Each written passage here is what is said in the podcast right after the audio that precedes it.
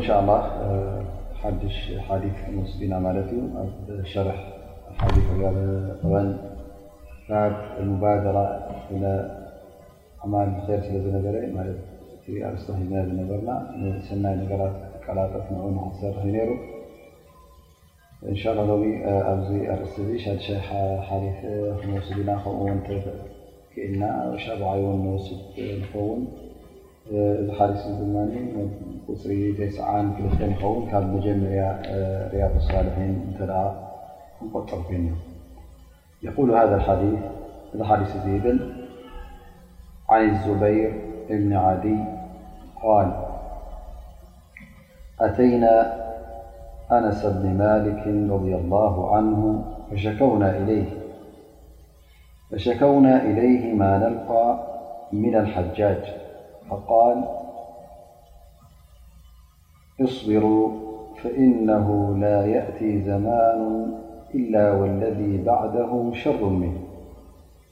حتى تلقوا ربكم سمعته من نبيكم - صلى الله عليه وسلم - رواه البخاري እዚ ሓዲት እዙ ሕፅር ዝበለ ትርጉም ዙቤር ብን ዓዲ ይብል ናብ ኣነስ ብን ማልክ መጺእና እሞኒ ብዛዕባ ካብ ኣልሓጃጅ ዝበሃል መራሕ ሰራዊት ዝነበረ ማለት እዩ ናይ በኒ ኡመያ ብዛዕባ እቲ ካብኡ ንረኽቦ ዘለና ሽግራት ብዛዕባኡ ናብ ኣነስ ብን ማልክ ቐሪዕና ይብል ማለት እዩ ኣነስ ብን ማሊክ እንታይ ዶ መሊሱሎም እስቢሩ ሰብሪ ግበሩ ምክንያቱ ኩሉ ግዜ እቲ ዝመፅእ ዘሎ ዘመን ካብቲ ዝሓለፈ ዝኸፍአ እዩ ዝኸውን ስለዚ ክሳዕ ናብ ረብኹም ትምለሱ ማለት ክሳዕ ሞይትኩም ትቅበሩ ሰብሪ ግበሩ ትዕግስቲ ግበሩ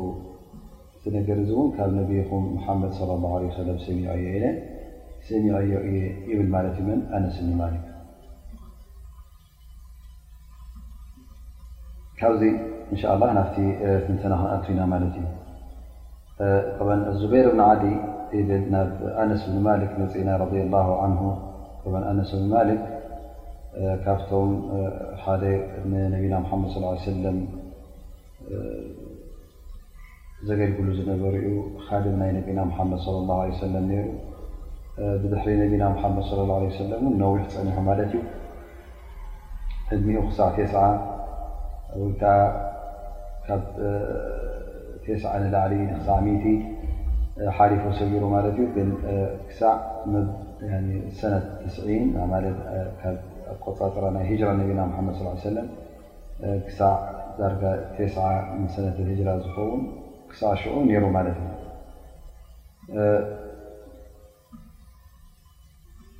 እዚ ዕድመ እዚ ስለ ዝፀናሐ ድማ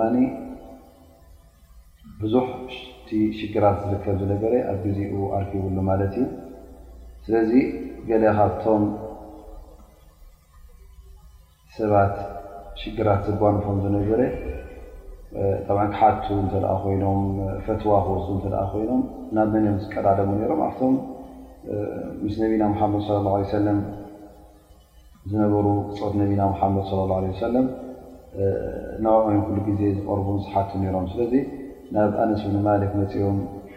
ያ ኣነስ ኣልማሊክ ዝብልዎ ካብ እዚ ሓጃጅ ብኒ ዩሱፍ ዝበሃል ሓጃጅ ብኒ ዩሱፍ ኣልሰቀፍ ይበሃል ንሱ ከዓ ሓደ ካብቶም መራሕቲ መራሕቲ ሰራዊት ካብቶም ኡመራ ናይ መን ናይ ኹለፋ በኒ ኡመያ ነይሩ ጠብ እዚ ሰብ እዚ ድማ ናቱ ሽግር ኩሉ ግዜ ዓመፀኛ ስለ ዝነበረ ንሰብ ምቕታል ቀሊል ነገር ገይሩ ወስዶ ስለ ዝነበረ ብዙሕ ሽግራት ዝሰንኩ ዝረኸቡ ሰባት ነይሮም ማለት እዩ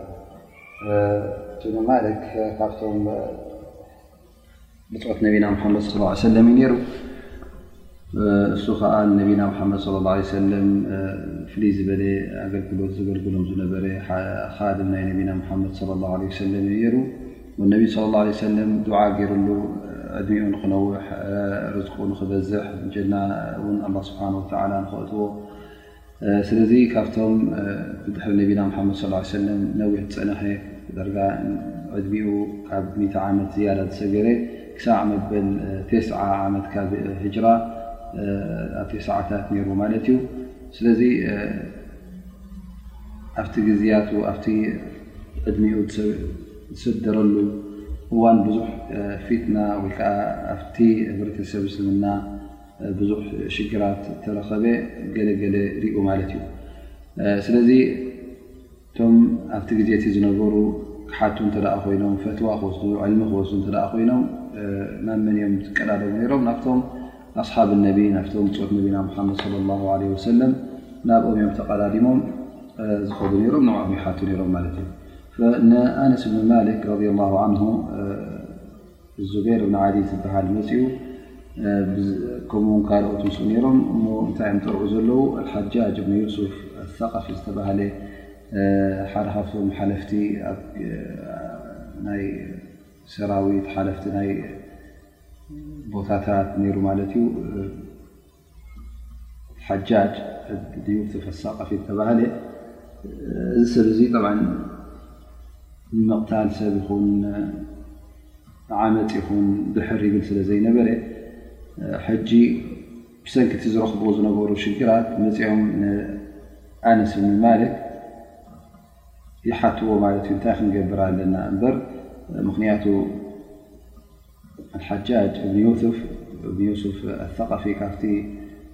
ዝገበሮ ቀሊል ነገር ኣይኮነን ማለት ንዓብዱላህ ብኒ ዙቤር ቀቲሉ ንመካ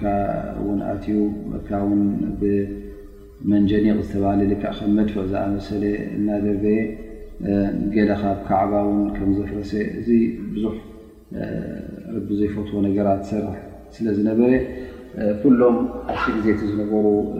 ኣስላም ይጠርዑ ነይሮም ማለት እዩ ሰንኪቲ ዝረኽቡ ዝነበሩ ዓመፅ ማለት እዩ ምስ ሓተቱ ንኣነስ ብን ማልክ እንታይ ኢሉ መሊሱሎም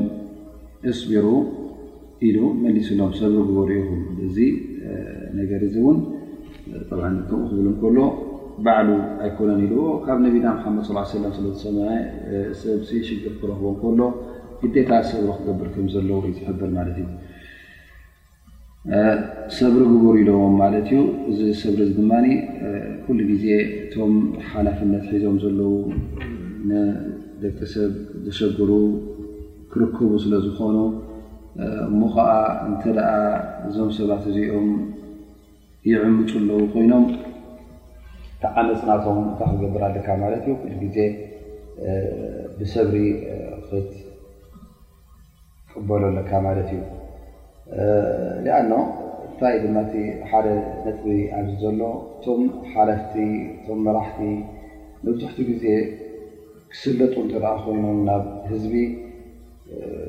እቲ ቀንዲ ጠንቂ ናይ መን ይኸውን ማለት እዩ? እቲ ህዝቢ ንገዛእ ርእሱ ኣብ ጌጋ ስለ ዘሎ፣ ብሰበብ ዙልምናስ ሰብ ንገዛእ ርእሱ ነንሕዱ ይተዓማመፅ ስለ ዝኾነ፣ ኣላህ ስብሓነሁ ወተዓላ ድማ ከምኦም ዓማፂ ይገልፃሎም ማለት እዩ። ልኣኑ እዚ እውን ሓደ ካብቲ ዒቓብ ካብቲ መቕፃዕቲ ኣላህ ስብሓነሁ ወተዓላ ዝቐፅዓና ዘሎ ይኸውን ማለት እዩ። የቁሉ ላሁ ስብሓነሁ ወተዓላ ወከዛሊከ ኑወሊ ባዕደ ዛሊሚነ ባዕዳ።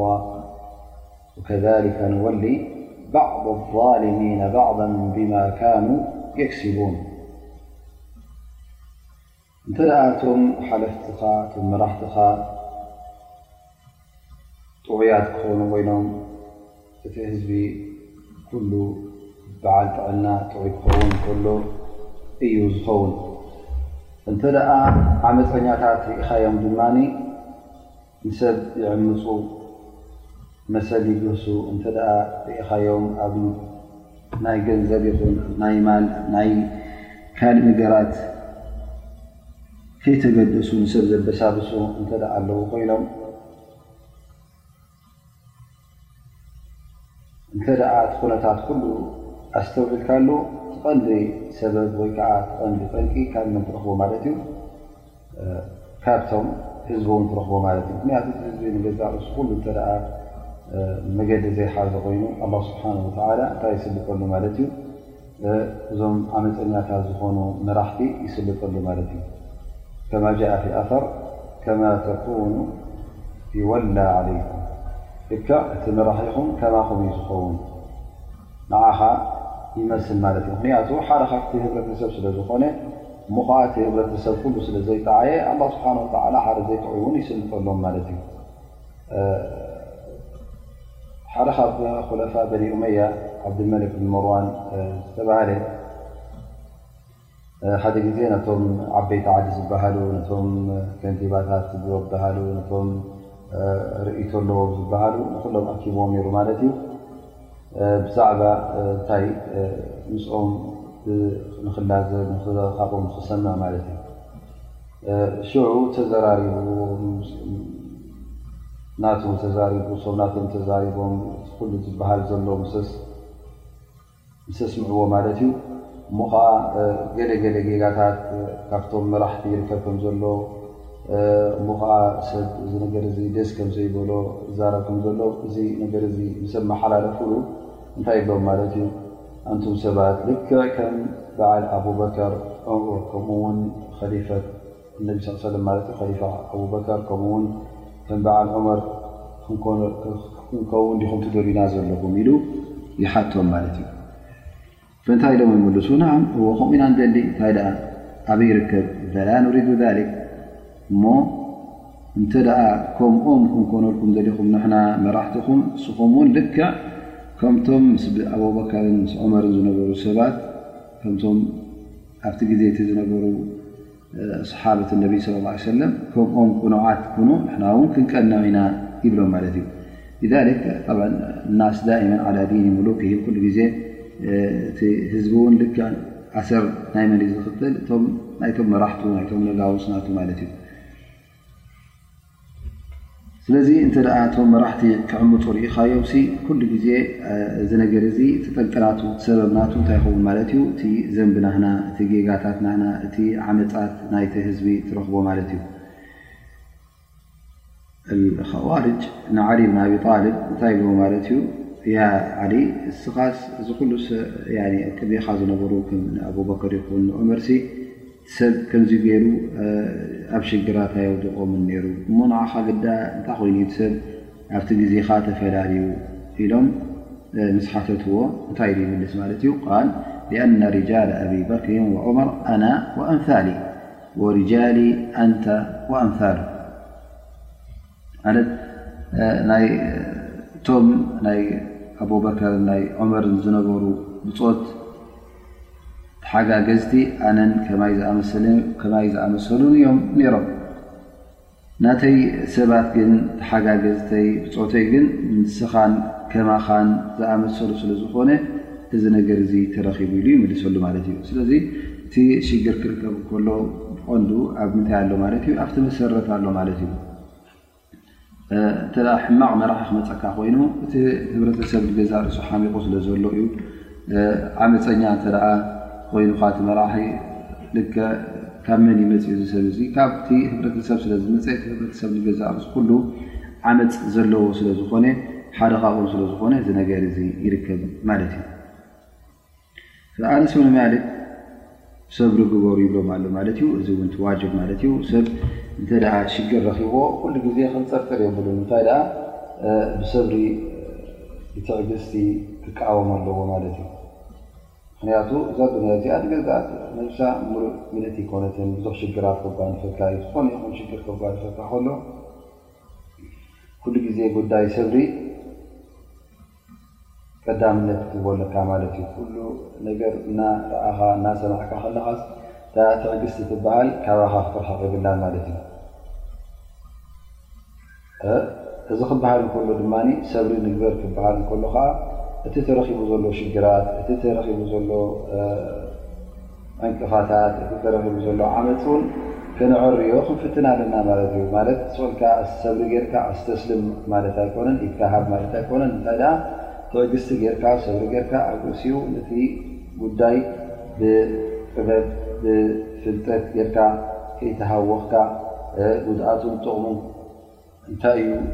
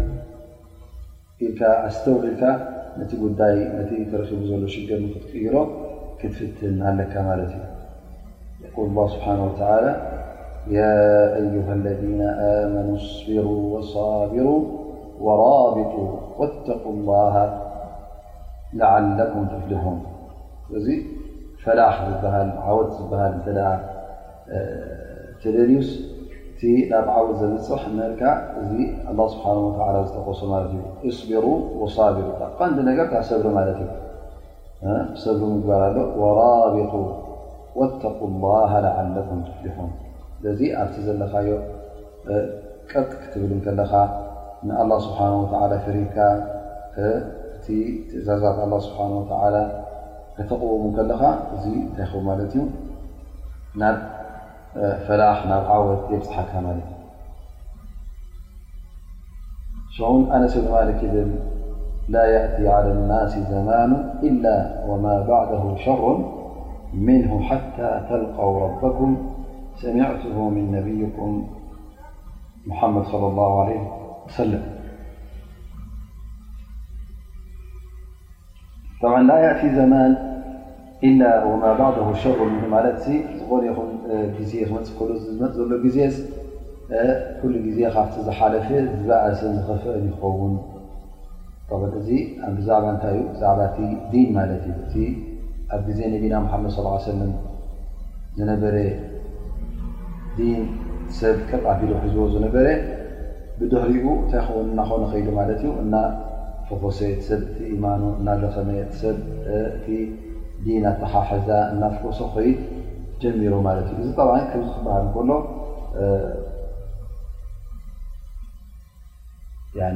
ኣብ ኩሉ ነገራት ክትሕት ማለት ኣይኮነን እቲ ዲን ክህሉ ዩ ነዚ ዲን እዚ ውን ዝሕልው ኣለው ላኪን እዚ ዘረባ እዚ እንታይ ማለት እዩ ብሓፈሻዊ ክዘረቡ ከሎ ማለት እዩ ካብ ሓደ ግዜ ናልባሽ ኣብ ሓደ እዋን ኣብ ሓደ ሰዓት ውን ናልባሽ ኣብ ሓደ ቦታ ዝበለፀ ር ትረኽበሉ ማለት እዩ ኣብቲ ካልኣይ ቦታ ከዓ ሰንፈት ትረኽበሉ ማለት እዩ ኣብ ገለገለ ሰባት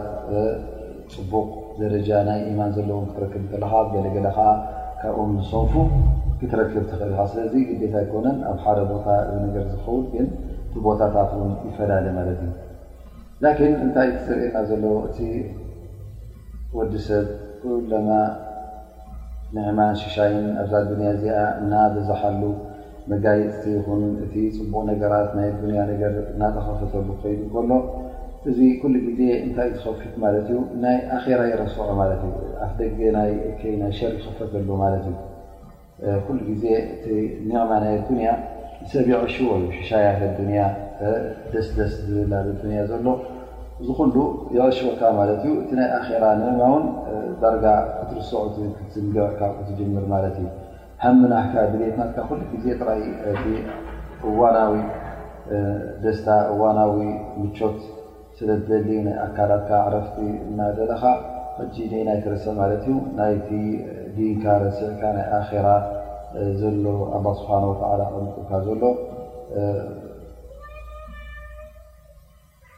ንዕማታት ኩሉ ትርስዕ ማለት እዩ ስለዚ እቲ ር ክኽፈት ከሎ ብያ ናይ ዱንያ ነገር ክበዝሕ ከሎ እቲ ናይ ገዛ ኮይኑ ናይ ብልዑ ኮይኑ ናይ መስተ ኮይኑ እዚ ኩሉ ነገራት እና ተመሓየሸ እናበለፀ ከይዱ ከሎ ካብቲ ዲን እናዳኸመካን እና ኣርሓቕካን ስለ ዝኸይድ ኩሉ ግዜ ክትጥቀቕ ኣለካ ማለት እዩ ጉዳይ ዲንካ ቀዳምነት ክትህቦ ኣለካ እቲ ኣብ ኣዱንያ ዘሎ ኒዕማን ሽሻይንሲ ግዝያዊ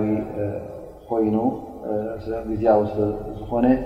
እሞ ኸዓ እስኻ እቲ ተኸሊቕካሉ ዘለኻ ን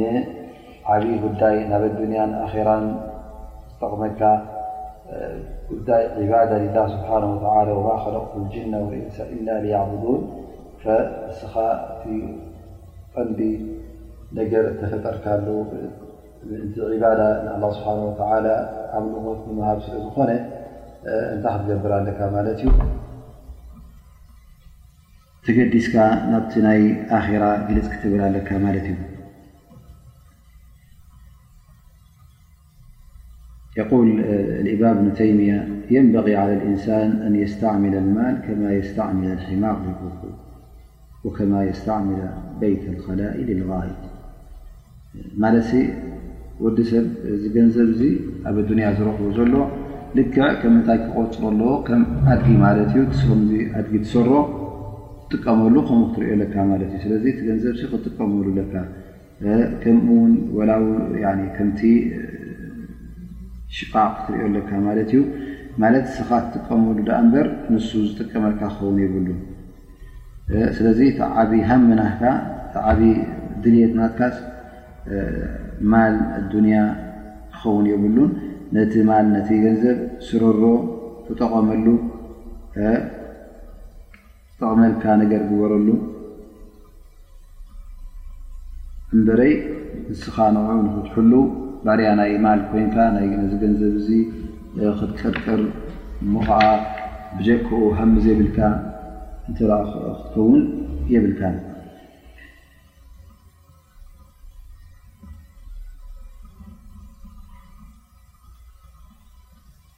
ስለዚ እነቢይ ለ ላ ለ ወሰለም እውን ካብዛ ኣዱንያ እዚኣ እውን ኣጠንቂቖምና እዮ ጉዳይ ናይ ኣዱንያ እውን ኣስጋኢ ከም ምኳኑ የል ነቢ ለ ላ ለ ሰለም ወላ መልፈቅሩ ኣኽሻ ዓለይኩም ወላ መልፈቅሩ ኣኽሻ ዓለይኩም ኣነኮ ወላ ኢሎም ነቢ ስ ሰለም ምሒሎም ኣነኮ ድኽነት ኣይኮነን ዘፍርሃኒ ዘሎ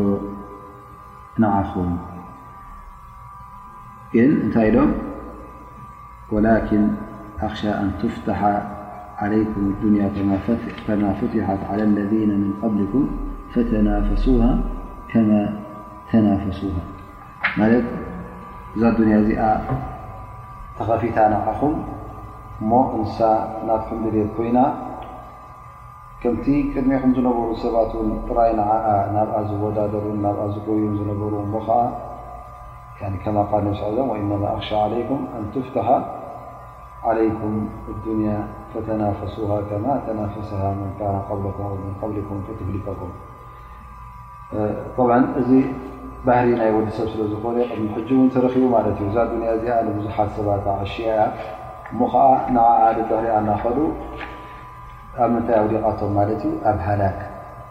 ኣብ ጥፍኣት ኣውዲቓቶም ስለዚ ኣብ ሃላክ ኣብ ጥፍኣት ንኸይትወድቁ ተጠንቀቑ እዛ ኣዱንያ እዚኣ ደድሕሪኣ ክትጉየዩ የብልኩምን ከተዕሽወኩም የብላን ምእንታኣይ ክትወዳደሩ የብልኩምን እንታይ ደኣ ኩሉ ግዜ እቲ ግዜኹምሲ ብጣዓት ላህ ክትመልእዎ ኣለኩም ብፍርሂ ኣላህ ስብሓን ወተዓላ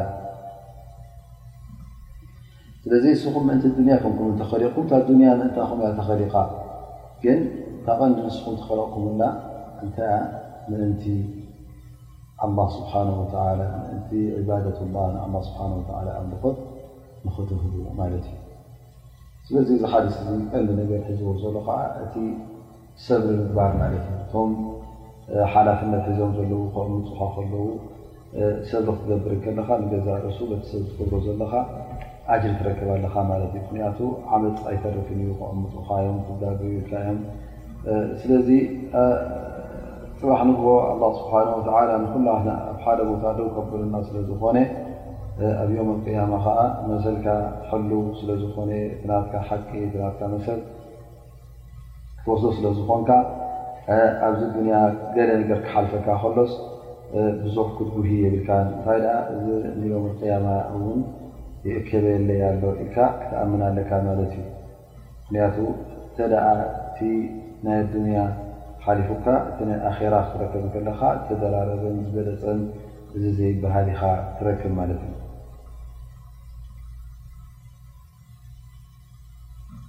ምክንያቱ ኣብ ኣዱንያ ዝኾነ ሰብ ክዕምፅ እንከሎ እዚ ነገር እዚ ፅቕልካ ኣይኮነን ክጠፍእ እንታይ ደኣ ኣብ ኣራ ክፀንሕ እዩ ምክንያቱ እታ ቀንዲ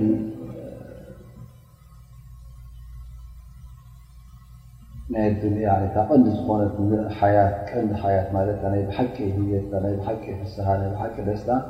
ኣብኣ ዘላ ኣብዮም ኣቅያም ሽዑ ኣላህ ስብሓን ወተዓላ እውን መሰልካ ሓዲርካ እቲ ድልየትካ ኩሉ ከማልኣልካ ስለ ዝኾነ ካብቶም ዝዓመፁኻ ድማ ሕኔኻ ክፍርድየልካ እንተ ዘለዎም ኣጅር ሎ ኮይኑ ኣሕዲጉ እንተ ዘይብሎም ኮይኑ ካብቲ ዘሎኻ ኣጓዲሉ ንዕኦም ክፈርዶም ስለ ዝኾነ እዚ ነገር እዚ ተኣሚንካስ ኣላ ስብሓን ወተዓላ ኩሉ ግዜ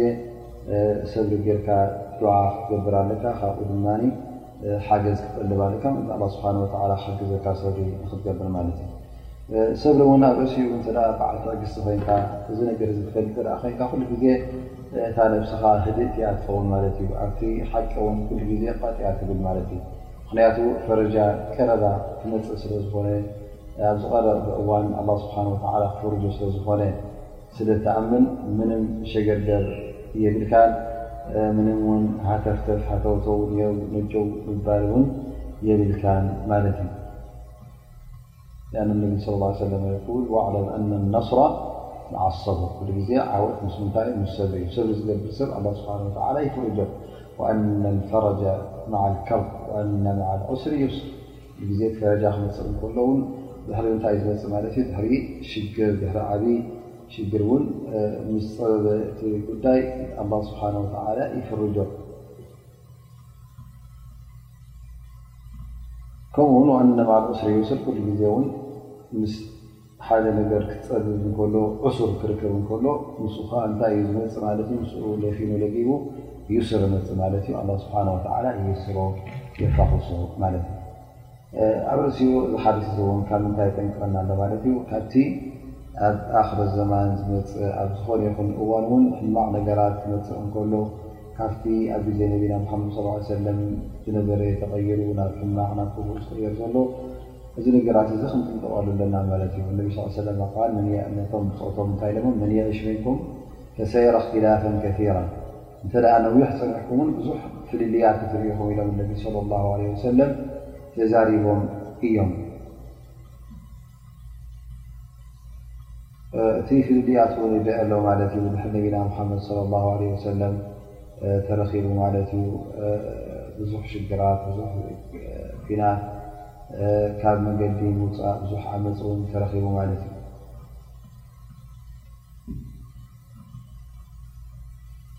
ስለዚ እቲ ግዜ እናኸፍአ ስለ ዝኸይድ እሞ ከዓ ሰብ ኩሉ ግዜ እናሰከፈ እናደኸመ እዩ ዝኸይድ ፅቡቕ ክኸይድ ፀኒሑ ቀስ ብቐስ ውን ይጋገ ስለዝኾነ የዝሓጥፍጥ ስለዝኾነ ነቢ ለ ላ ለ ወሰለም እቲ ኢማና ኩሉ ግዜ ክደክም ከምዘይብሉ ክሰንፍ ከምዘይብሉ ክንጥንቀቕ ከምዘለና ናይ ኣዱንያ ነገር ክዕሽወና ከምዘይብሉ እዚ ነገር እዚ እናኣጥንቀቑ ይነግሩና ኣለዉ ማለት እዩ ላኪን ጠበን ከምቲ ዝበልናዮ ኣልሓምዱሊላህ እንተ ዕልሚ እና ኣስፋሕፍሐ ከይዱ ሰብ ክዕለም እንተ ጀሚሩ እንሻ ላ ካብቶም ኣብ ሓድ ሓደ ግዜ ካብቶም ዝሓለፉ እቶም ብድሕሪኦም ዝመፁ ዝበልፁሉ ግዜ ኣሎ ማለት እዩ ለይሰ መዕና ዛሊክ እኖ ኣብ ኩሉ እዚ ነገር እዚ ኣይክትበልፅ ኣይተኽእልን ኢኻ ማለት ክንመሓየሽ ኣይክእልን እዩ ዝበሃል ኣብቲ ዲኑ የለን። ምክንያቱ እንተ ሓደ ሓደ ቦታታት ርኢናዮ ኣብዚ ዓለም እስላም እተ ርኢና ቅድሚ ሓምሳ ዓመት ዝነበረ እተ ምስዚ ሕጂ ዘሎ ርኢናዮ ብዙሕ ፅቡቕ ነገራት ተረኪቡ እዩ ብዛዕባ ዕልሚ ምዝውታሩ ፍልጠት ምዝውታሩ እስልምና ምዝውታሩ እውን እናተመሓየሸ ዝኸደሉ ግዜ ኢና ዘለና ማለት እዩ ስለዚ እቲ ነቢ ስ ሰለም ተዛረብዎ ጠብዓ ብሓፈሽኡ እዮም ተዛሪቦም ማለት እዩ ላኪን እንሻ ላ ተስፋ ክንቆርፅ የብልናን ክንመሓየሽ ንኽእል ኢና እቲ ዲና ውን ናመሓየሽናዮ ክንከይድ ንኽእል ኢና ላኪን ጠብ ከምቶም ኣስሓብ ነቢ ዝነበርዎ ኣብቲ ናቶም ደረጃ ንክትበፅሕ ኣይከኣልን እዩ ምክንያቱ እትሪእዎ ኣለኹም እቲ ኢማንና ደኺሙ እዩ ዘሎ እቲ ወዲ ሰብ ውን ኣዱንያ ኣዕሽያት እያ ዘላ ማለት እዩ እዚኣ እታ ቀዳመይቲ ሓዲት እያ በዚ ክድምደም እታ ብድሕሪኣ ትመፅ ዘላ ሓዲስ ብዙሕ ትንተና ዘድልያ ሓዲስ ስለ ዝኾነ እንሻ ላ ሎመዓልቲ በዛ ሓዲስ እዚኣ ንድምድም ሕቶ እንተ ኣሎ ኮይኑ እንሻ ላ ሕቶ ዕድል ዝኸፍተልኩም ባረከ ላሁ ፊኩም